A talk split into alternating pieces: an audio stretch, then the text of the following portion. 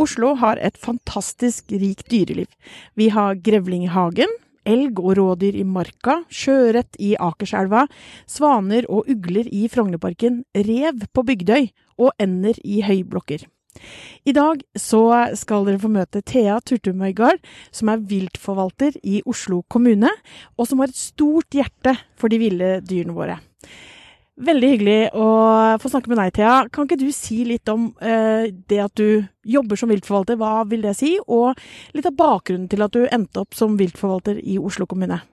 Ja, Det starta egentlig veldig tidlig med at jeg er veldig glad i dyr. Jeg vokste opp med, med katt og hadde veldig stor fascinasjon for dyrene jeg så ute. Eh, og naturprogrammet til David Attenborough, det var liksom det mest fascinerende jeg kunne se. Da kunne jeg sitte limt til skjermen i timevis. Så jeg visste tidlig at jeg ville bli biolog. Det var den store drømmen min. Ehm, så når jeg nå jobber som viltforvalter, så føler jeg meg ganske heldig som får lov å jobbe med dyr, da. Eh, og bruke det engasjementet mitt på en eh, positiv måte. Ja, og du, og du, nevner jo at dette har vært en interesse fra, fra, du var veldig ung. Og jeg har hørt rykter om at du som 13-åring fikk brannvesenet til å rykke ut, men ikke pga. brann. Hva var det som skjedde? Nei, Da var jeg i byen med faren min, og så gikk vi i eh, jeg tror det var Nedre Slottsgate. Og så gikk vi forbi en sånt, sånt butikklokale som var under oppussing. Og da var det sånne, limt, sånne treplater bak vinduene, da så satt en due der. Så innimellom vinduet og den pappen, den, eh, den treplata. Eh, og da det, det kunne ikke jeg se på at den skulle sitte der og ha en sakte død. Så da ringte jeg brannvesenet, og de kom da med seks mann og fullt utrykningskjøretøy og brøyte opp døra og ga meg den dua så jeg kunne slippe den ut, da. Så det var Så det var, ja karrieren og engasjementet har starta tidlig, andre ord. tidlig. Men du, nå sitter vi jo Vi sitter jo i eh, Vi er i Oslo. Eh, vi sitter i noe som heter Trolldalen, som ikke er så langt fra Tveita. Eh, dette er jo en av Oslos mange fine hundremeterskoger, altså en sånn liten lunge. Ikke så langt fra Østmarka. Og, og, Oslo forbindes jo av mange som eh, på en måte Karl Johan og kaffebarer og asfalt. Eh, men eh, vi vet jo at Oslo nærmest yrer av dyreliv. Kan ikke du si noe om hva slags dyreliv er det Oslo kan by på? Ja, Det er jo egentlig ganske utrolig. Det var jo de dyrene du nevnte i stad. Det er jo elg og rådyr og rev og grevling. Og, og så har vi jo ulv i marka, og vi har masse forskjellige rovfugler. Vi har jo vandrefolk som mekker Østmarka, f.eks. Så det er, jo, det er, jo, verdens raskeste dyr. Så det er veldig stas. Verdens raskeste? Mm. Jøss. Mm. Yes. Ja, det visste jeg ikke at vi kunne by på i Oslo. Nei, ikke sant. um, men eh, du, du, nevnte jo at du ble utdanna biolog. Uh, hva var uh, Altså, hva er det du har på en måte fokusert på gjennom studietiden og etter endt studie? Ja, det er jo en, eh, Når man tar biologiutdannelse, så er det jo veldig mange temaer man skal innom. Du har den grunnutdannelsen som er både molekylærbiologi og biokjemi og alt det der, og så kan du spesialisere deg videre. Så da valgte jeg det som het eh, økologi, da. Som er på en måte mer sånn mot dyr, dyreretta. Så jeg skrev en masteroppgave om eh, atferd hos spurvefugler. Så det har jo vært fugl jeg har tatt masteroppgave på, men interessen min sprer seg er jo utover alle artene, egentlig. Så ja. Ja, og jeg har også hørt at uh, du har jobbet med det å uh, altså sortere bilder av, uh, fra viltkameraer i skogområdene rundt Oslo. og sånn sett har fått et unikt innblikk i dyrelivet som finnes i byen vår. og du jobber jo da i viltforvaltningen, men, men hvor mange er det som jobber med viltforvaltning i Oslo kommune? Vi er tre biologer som sitter med det samme fagfeltet, men det er jo hovedsakelig jeg som jobber med viltforvaltning, da. Så også en god kollega av meg, så vi deler litt oppgaven mellom oss. Han tar mye av de fugleoppdragene, og så tar jeg ofte resten. resten. Enda det var du som hadde interesse for fugl fra masteroppgaven din. Ja, vi har alle interesse for fugl. Ja, er jo, vi er jo en gjeng med glade nerder egentlig i denne avdelingen, så det syns jeg er supertopp. Høres helt fantastisk ut. Ja. Eh, men, men, når man da er viltforvalter, så har du kanskje også ansvaret for eh, eventuelle skadede dyr. Uh, og, um, og, hva med sånn type jakt for uh, Er det også ting som ligger inn under ditt ansvarsområde? Ja, vi har jo ikke noe viltnemnd i Oslo kommune, så det er Bymiljøetaten som håndterer de oppgavene. Så vi må jo dessverre ta den jobben også med å avlive skadedyr. Det er ikke noe hyggelig, men det er jo en nødvendighet, da. Mm. Så vi har fem karer som er ute på oppdrag og ja, har døgnvakt, som er da som rykker ut hvis det skulle være nødvendig. Ja. Eh, og så er det dette med rådyr og elg. Det finnes jo i Oslomarka. Eh, er det også noe som, eh, som, jaktes på? Altså som det er lov å ha jakt på? Ja, vi har jakt både i kommuneskogen og på private vall rundt Oslo. Spesielt Løvenskiold er jo det største vallet som er i Nordmarka. Så da jaktes det på elg og rådyr. Altså, det er der det er mest jakt, og så er det jo noen av disse private vallene også som ligger rundt i Østmarka og Nordmarka som så har jakt, da. Men det er jo, i marka er det jo hovedsakelig hensyn til friluftsliv som gjelder, og ikke så mye jaktinteresser, egentlig. Så det er ikke sånn veldig mye jakt i de områdene. Det er det ikke. Men uh, det er jo vanlig jakt. Mm. Ja. Jeg fikk med meg for uh, det er jo noen vintre siden at det var en elg som forvillet seg ned på Tåsen. Det ble Tåsenelgen. eh, og da kom det jo post ut fra Bymiljøetaten om at uh, man ikke måtte gå for nærme elgen og ikke skremme elgen. Um, og den vandret jo visstnok tilbake til marka etter hvert. Men hva slags avveining tas når man liksom opplever da en type, f.eks. en elg da, som forviller seg ned i boligområdet? Man ser jo an atferden til elgen. Hvis den ut utviser noen aggressiv atferd eller begynner å gå etter folk, så må man jo ta en vurdering på sikkerhet, eh, sikkerhetsaspektet. Men den elgen der jo ikke, hadde jo ikke noe aggressiv atferd, så vi valgte å se an situasjonen. Hvis den hadde trukket lenger nedover mot byen, så hadde den antageligvis kunne blitt mer stressa, og da kunne det vært en fare for mennesker. Men eh, vi vurderte ikke det som en fare der og da. Så gikk jo det bra. Den vel, var vel nede der tre år på rad, tror jeg. Tre år vintre på rad hvor den ikke bare kom ned og spiste litt på epletrærne, og så gikk den tilbake. Så det gikk jo bra. Og tåsen hver gang, liksom? Ja. Samme område. veldig fascinerende. Og de beboerne der var jo veldig engasjerte i akkurat den elgen, så de var jo De slo liksom en ring rundt den, da. Det syns jeg var veldig koselig, egentlig. At de bryr seg. Ja, ja. Det er godt å, godt å, kjenne på. Nabolagselg, liksom. Ja. Det er ikke akkurat noe man har hørt om så mye. Men hvorfor, hvorfor, eh, ender det opp med at en elg liksom trekker ned mot uh, bebyggelsen? Det er jo ofte på vinteren hvis det er store snømengder, så er det jo lite mat for dem å finne i marka. Og de har jo lange, tynne bein, vanskelig å komme fram. Så da trekker de ofte ned langs veier og skiløyper og sånt. Og nede i villahagene våre så finner de jo epletrær og mye annet de kan gnafse på, så da er det helt naturlig at både elg og rådyr trekker ned i bebyggelsen da, på vinteren, og spesielt senvinteren. Sånn som eh, ja, mars-april, når de er veldig sultne, så kan de trekke mer inn i hagene. Mm. Mm. Og da, hvis noen oppdager det, så skal de gi beskjed til dere? Det er kjekt å vite om det, men det er vel ikke noe vits å si fra om rådyr, egentlig, for det er helt naturlig at de er der, og de er på en måte ikke noe fare for noen, sånn sett. Men eh, hvis det er en elg eh, langt nede i bebyggelsen, så er det greit for oss å vite om det, da. Så vi kan eh, holde øye med situasjonen. Mm. Mm. Og så nevnte du at uh, av og til så må, må, dere rykke ut for å uh, avlive dyr som har skadet, f.eks. Um, men, uh, men jeg har også hørt rykte om en bever på en fjellhylle, som endte heldigvis litt hyggeligere. som satt fast på en fjellhylle overfor en trafikkert vei i Groruddalen. og den ble da reddet og satt ut i marka igjen. Stemmer det, ja. Har, det, har, du noen flere eksempler på sånne type historier som, eh, som, av, som, som, det går bra med? Nå er det vel eh, Det var jo i fjor, og i forfjor så var det jo eh, en andemamma. Eller nå var det på to forskjellige steder, men først, det var vel i 2019, så var det da på Ullern. Hadde hun lagt egg på en terrasse oppe i sjette etasje. Og da var jeg og kollegaen min der og henta dem. Og så var det sju unger, da. Da hadde jo tre av de hadde allerede hoppa ned fra sjette etasje og rett ned på betongdekket der nede. Men de hadde overlevd. Så vi gikk opp der, og han med håv, og fikk tak i andemamma. Og jeg så da at eh, en av ungene hoppa ut mens jeg sto og så på. Så jeg hadde jo hjertet i halsen mens jeg så den lille kyllingen som seile ned. Oh my God. Men eh, alle ble redda. Vi kjørte de, og, kjørte de til Bogstadvannet og satte dem ut der, da. Og så skjedde jo det samme i fjor, i Barcode. Det var jo enda litt høyere opp, så det hadde jo ikke gått bra hvis jeg hadde prøvd å hoppe ut derfra. Så da var det en andemamma der som vi flytta. Eh, så flytta vi jo en, en familie med canadagjess fra Breisjøen. Det var jo ehm, eh, fordi de beita på noen sånne flytegroplanter som hadde blitt eh, planta ut der. Så da måtte de flyttes. Så da ja, flytta vi de til Alna, tror jeg. Så det har vært noen sånne flytteoppdrag. Og så var det også en eh, måke jeg henta en gang som sto fast på en glassveranda. Den skjønte ikke konseptet glass, den sto liksom bare og stanga innenfor der. Så da var det bare å løfte den opp og sende den av gårde. ja. Men hvor, hvor, hvorfor skjer det at liksom eh, Anne-mamma legger eggene i barcode, liksom? Altså er det tilfeldigheter sånn skjer, eller er det Jeg tror at uh, litt som måker også, at de i større grad må hekke på hustak, så tror jeg kanskje at ender anser det som et trygt sted å hekke. Mm. At de kanskje opplever at de stedene de ønsker å hekke, der er det mye forstyrrelser fra mennesker og hunder og sånt. at uh, at det er derfor hustaket virker som en god løsning. Mm. De tenker jo ikke konsekvenser av det, at det er langt ned. Nei, Nei det, de er kanskje ikke så gode på den konsekvensutredningen. Nei. Um, men uh, det er vel også noen sånne type oppdrag ute hvor uh, Altså sånn på vinteren kanskje, hvor det er dyr som går gjennom isen og sånne ting? Ja, det har vært noen sånne oppdrag også, i samarbeid med brann- og redningsetaten, da, som vi har hjulpet noen dyr opp fra isen, som har sittet fast. Så det er jo, ja. Mm. Syns det er veldig bra å kunne hjelpe når man kan. Ja, og, og vi snakket jo om at altså, hvis de er skadet, må, så må de kanskje avlives. Men hva slags prinsipper er det dere jobber etter for å gjøre den vurderingen, da?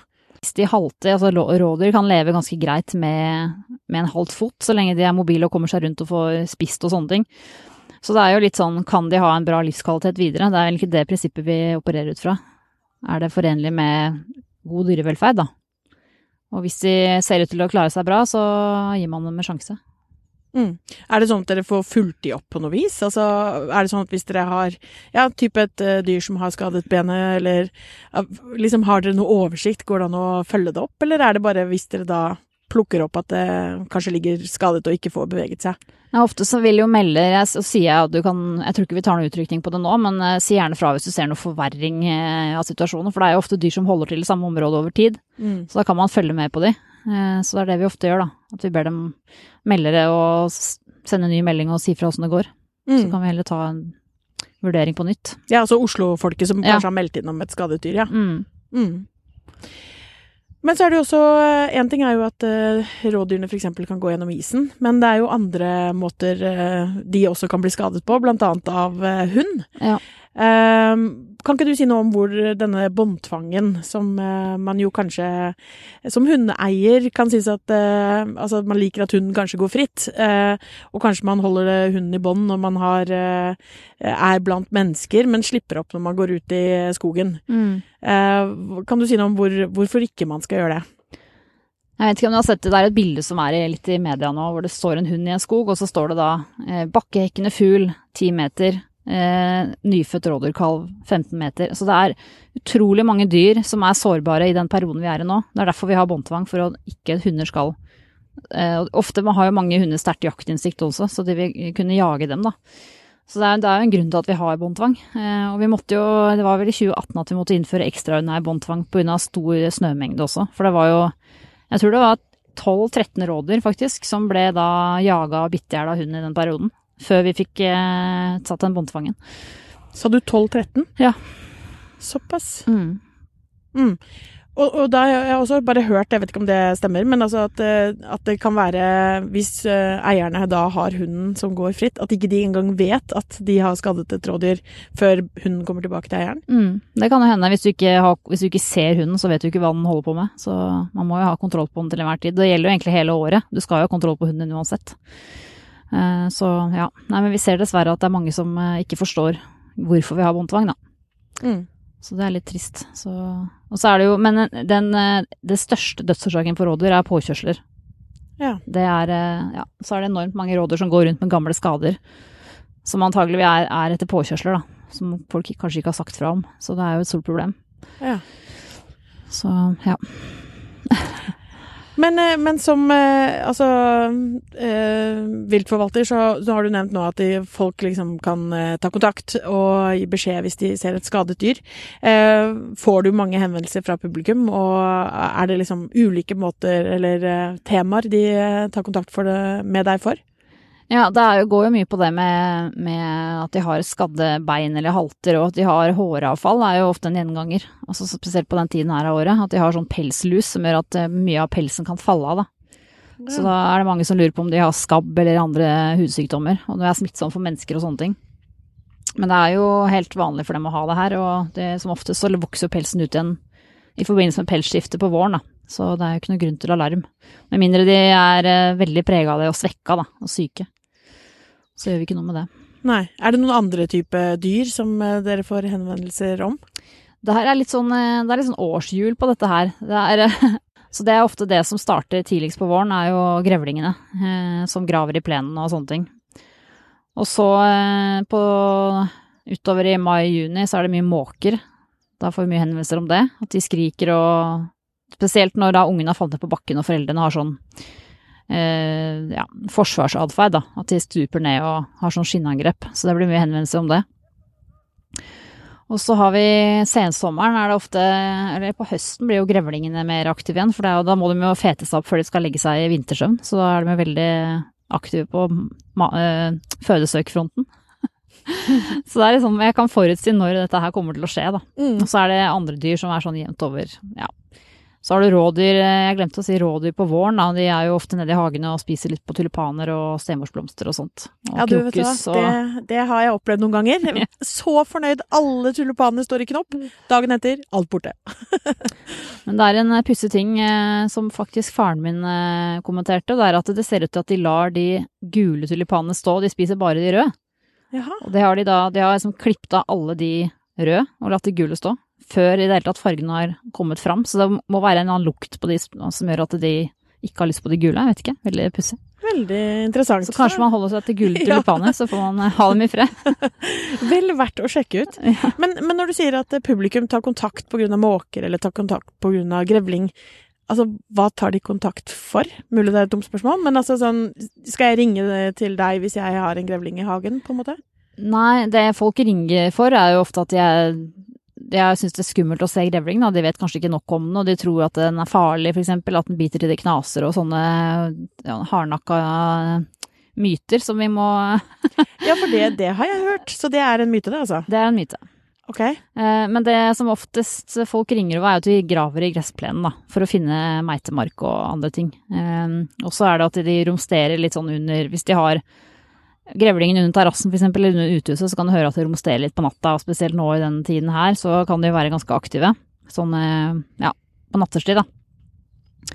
Så ja. Men vi har jo noen gode råd vi pleier å gi til folk når de har grevling i hagen. Men vi, ja, for hvis de graver i plenen, så er det ofte at man har sånne oldenborrelarver. Oldenborre er jo en bille som legger egg i plenen. Og det er jo skikkelig snask for grevlingen, så den går jo hardt til verks for å få tak i disse godbitene. Så, men for å unngå at den legger egg i plenen din, så kan du sørge for å vanne den hyppig i, rundt sankthans. Jaha. Fordi at de legger ikke eggene sine i våt plen. Så det er en ganske enkel løsning, da. Og det er rundt sankthans. Ja. Så hvis du klarer å holde plenen din våt rundt sankthans, så, så kan du unngå disse bildene, og, og da kanskje grevling som graver opp plenen din. Men du kan si disse larvene gjør jo skade på plenen, altså, for de spiser opp gressrøttene. Så du får, hvis du har sånne gule flekker på plenen din, så har du nok oldenborrelarver. Ja, nettopp. Så det er jo vinn-vinn, da. Ja, så man kan liksom velge hva vil du ha, små hull eller gule flekker. Er liksom, ja. Ja, ja, men det er jo nyttig. Men hva med de måkene, da? Hva skal, hva skal dere gjøre med Dere kan ikke være måkeskremsel for alle Nei, i altså, Oslo? jeg tror folk ikke tenker over at måker faktisk sliter litt. Sliter i motvind om dagen, og bestanden er på vei ned, og det er ganske vanskelig å være sjøfugl. Det er lite fisk å finne, og mye forsøpling, plastforsøpling og forstyrrelser fra mennesker og sånn, så de, har kommet, de kommer jo inn til byen av oss, egentlig, og finner da ro på hustakene våre til å hekke. Og der finner de jo kebab og pølse og grillmat i alle parker, så det er jo masse mat her og helt supert. Ikke Så- rart de kommer. Nei, ikke det. Kommer til dekka bord. Ja, nettopp. Men hva, hva, hva, hva slags råd er det dere gir dem da? Eh, Altså om måker? Eh, Hvis de hekker på taket, så må man jo forhindre de å hekke der i første gang. Når de først har lagt egg, så er det ikke noe du får gjort med det. Men det fins jo, hvis du har et tak du kan gå opp på, så lønner det seg å ferdes en del på taket i den perioden når de begynner å rigge til for egglegging, da, når de lager reiret sitt. For da vil de ikke anse det som et trygt sted lenger. Eh, Så er det jo, man kan jo spenne opp sånn fiskesnøre eksempel, med en halv meters mellomrom, som hindrer dem i å lande. Men jeg tenker at vi bør heller oppfordre folk til å klare å leve litt med det, for det er jo mennesker presser seg inn på dyras områder, og det er jo 4% av verdens dyreliv er jo ville dyr. Det er bare 4 og resten er mennesker og eh, domestiserte dyr. Så de altså, syns vi kan gi de ville dyra litt plass. Er det bare 4% Ja, av jordas biomasse er ville dyr. Ja, det var vanvittig mye lavere ellers tall enn er det kyr og sauer og mennesker og griser og ja, høns og alt annet. Nettopp. Så da tror jeg vi klarer å leve med måkeskrik noen uker i året. Men, men ja, det, er jo, eh, altså, det er jo folk som er veldig glad i dyr, og veldig opptatt av også ville dyr. Um, og eh, jeg har hørt rykter både om en uh, Altså at disse uh, svanene i Frognerparken har fått en egen forening som heter Frognerdammens fugler. Og jeg har også hørt om en rev på Bygdøy som har fått sin egen advokat. Hva Vet du noe mer om den? Uh, Altså, det høres veldig fascinerende ut. Ja, jeg vet en del om den reven, kan du si. Det var, sto på mye i den perioden.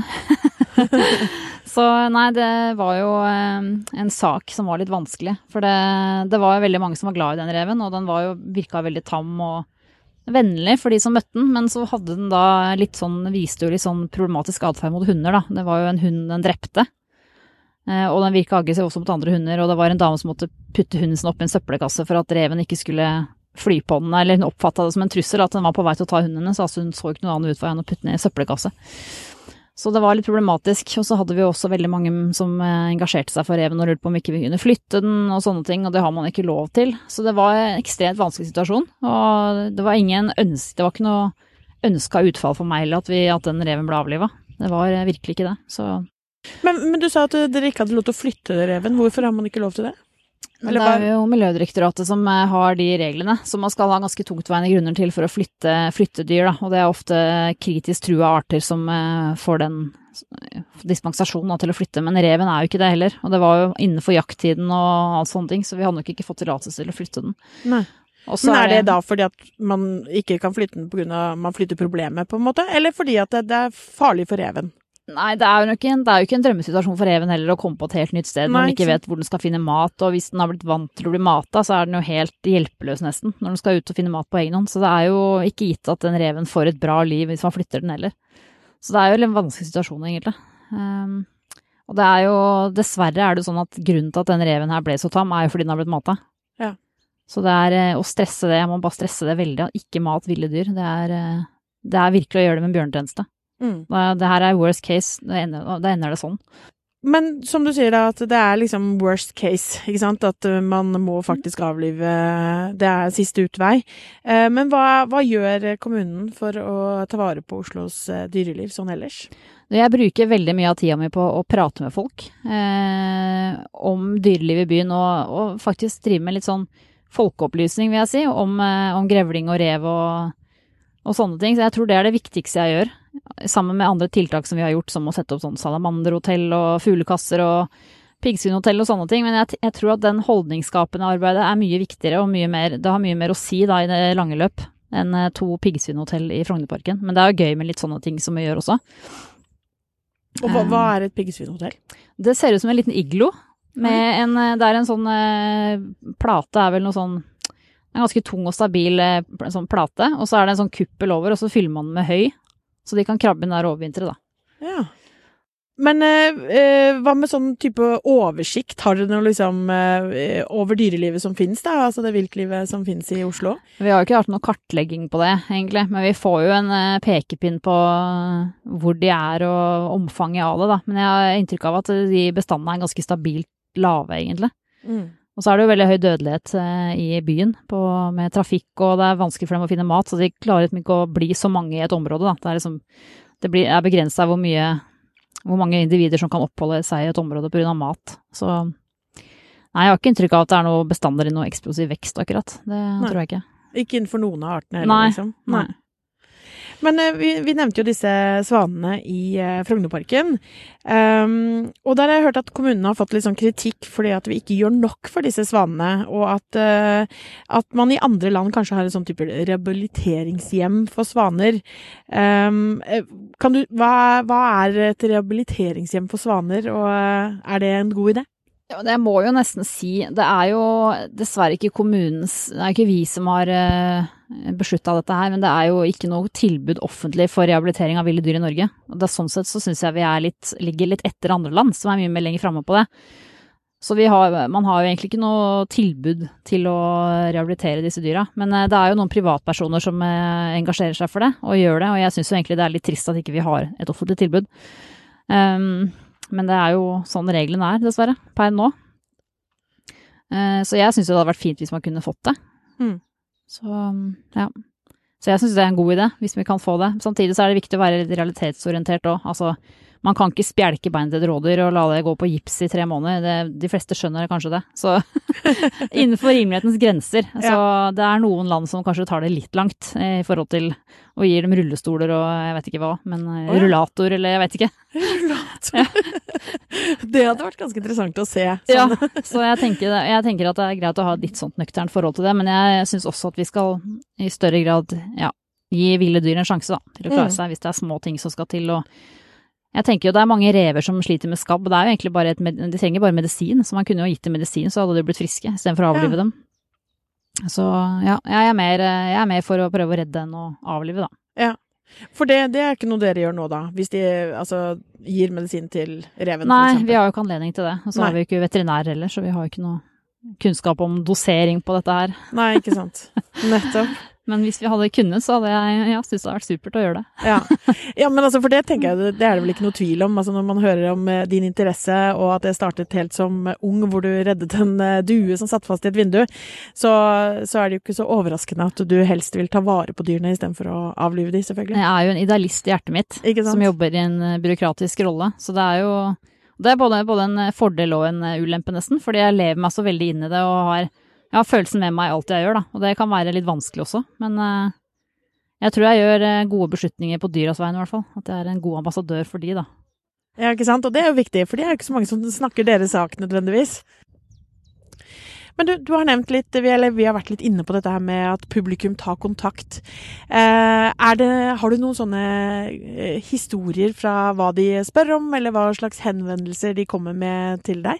Nei, eh, vi har jo allerede prata om noen av disse sakene. De fleste ringer jo innom grevlinger som graver i hagen, men det hender jo det dukker opp andre saker også. Det var jo en sak eh, for noen år tilbake hvor det var en eh, dame som hadde et ekorn inne i stua som løp rundt. Det var en ekornmamma som hadde da et ekornbaby inne i peisen. Og da måtte jeg rykke ut der og hjelpe den stakkaren ut, og den var jo helt svart av sot. Men eh, den løp jo opp i nærmeste tre når den kom seg ut, da, så vi håpa at det gikk bra med den. Et helt, hvis, hvis de så et helt svart ekorn, så var det altså fordi den hadde vært inni en peis? Ja. Ja. Og den var kjemperedd. Den satt liksom helt krøpet sammen inni hjørnet inni peisen. Så stirra på meg med store øyne. Så den var nok glad for å komme seg ut. Og så har vi en annen eh, en annen historie også. Om, eh, det var en fyr som ringte fra jeg tror det var på Bjørndal eller noe sånt, som sa at han hadde et, en kråkebolle i hagen. Da måtte jeg jo susse litt, eh, og spurte han om det ikke kanskje var et piggsvin. Og da var det altså et piggsvin som hadde falt ned i en sånn eh, lysgrav, sånn eh, lyskasse utafor kjellervinduet hans, da. Så det var jo to meter ned der, og den hadde jo ikke sjans til å komme seg opp.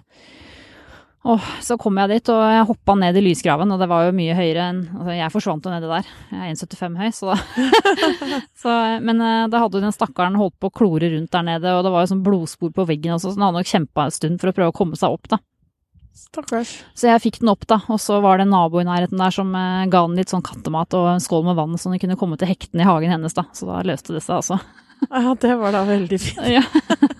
Ja, for det er ikke noe sjanse for å komme opp der når det er to meter opp. Nei, så den har nok kjempa en stund der, stakkars liten. Ja. Og jeg må fortelle om en ting på tampen nå, som jeg kom på nå. Det var, eh, det var på Lambertseter, så var det et piggsvin som hadde kanskje spist litt for mye. For den hadde kilt seg fast med piggene mellom en sånn fortauskant og et hus. Da satt den bom fast uten noen sjanse til å komme seg noe sted, så da måtte jeg prøve å lirke den ut derfra, altså. Bolla pinsen var litt for, litt for bollete. Du har en variert arbeidsdag, det Det kan, kan vi vel man si. Det er alltid, alltid nye utfordringer. Men du, sånn helt avslutningsvis, eh, har du noen liksom tanker eller drømmer for hvordan eh, jobben din som viltforvalter i Oslo kommune skal utvikle seg videre? Jeg håper jo, hvis man skal sette seg et hårete mål, så håper jeg jo at eh, innbyggerne i Oslo kan, eh, at vi kan jobbe sammen for å gi dyra et fristed her i byen sammen med oss. Da. At vi kan sameksistere uten at det er noen store problemer med det. Og at folk kanskje legger til rette med for dyreliv i sin egen hage, og rett og slett at vi bare gir de ville dyra den plassen de fortjener, da. Men når du sier legge til rette for eh, det ville livet i sin egen hage, hva kan vi gjøre? Nei, Man kan jo plante sånne pollinatorvennlige vekster, f.eks. Man må tenke på de små summende dyra også. Ikke glemme insektene, så det er jo viktig. Og prøv å ikke ha en så strigla hage. Ikke tenk på at gressplenen skal være, se ut som en golfbane hele tiden. Eh, Jo mer villnis det er, jo bedre er det for piggsvin og andre dyr å finne mat der. Så jeg tenker at det er helt greit å ha et hjørne i hagen hvor det ikke er så ryddig. Det er bra. Men altså, nå ga du jo meg kjempegod grunn til at liksom, Ja. jeg ikke må ha så dårlig samvittighet for at jeg ikke har luka overalt hele tiden. Ja, det er bare å si at jeg passer på de ville jeg dyra. passer på de ville dyra. ja. Det syns jeg er en helt nydelig, eh, nydelig ting å ta med seg. Ja. Men hvordan er Oslo, eh, altså viltlivet i Oslo opp mot eh, andre byer i Europa? Ja, nei, jeg er jo faktisk i et sånt nettverk som heter Eurocities. Det er et nettverk av europeiske byer som er innenfor alle mulige slags temaer, da. Så er i en gruppe som heter eh, Nature and Biodiversity. Um, Og da hadde jeg en presentasjon for dem eh, i gruppa mi om dyreliv i Oslo. De var liksom helt eh, slått i bakken av hva, hva, slags fantastisk dyreliv vi har i Oslo. For det, i den byen vi var i, da, som var i Nederland, så var det sånn Her har vi bare meiser og sånn småfugler. Det er liksom ikke noe andre dyr av betydning her. Og de syntes at de var kjempeheldige som hadde elg og rådyr og grevling og rev og vandrefalk og de, de dyra, da. Og også ulv i skogen og sånn, så de syntes at det var superspennende da, å Mm. høre om det. Så vi har det egentlig ganske fint med disse ville dyra Ja, i Oslo, men vi må bare eh, leve enda litt bedre sammen med dem. Ja, jeg tror ikke folk flest vet hvor heldige de er da, som kan oppleve ville dyr på nært hold, sånn som vi kan i Oslo. Det syns jeg er en nydelig måte å avrunde denne podkasten på. Tusen takk for praten, Thea. Det har vært Bare veldig hyggelig. interessant å høre på deg.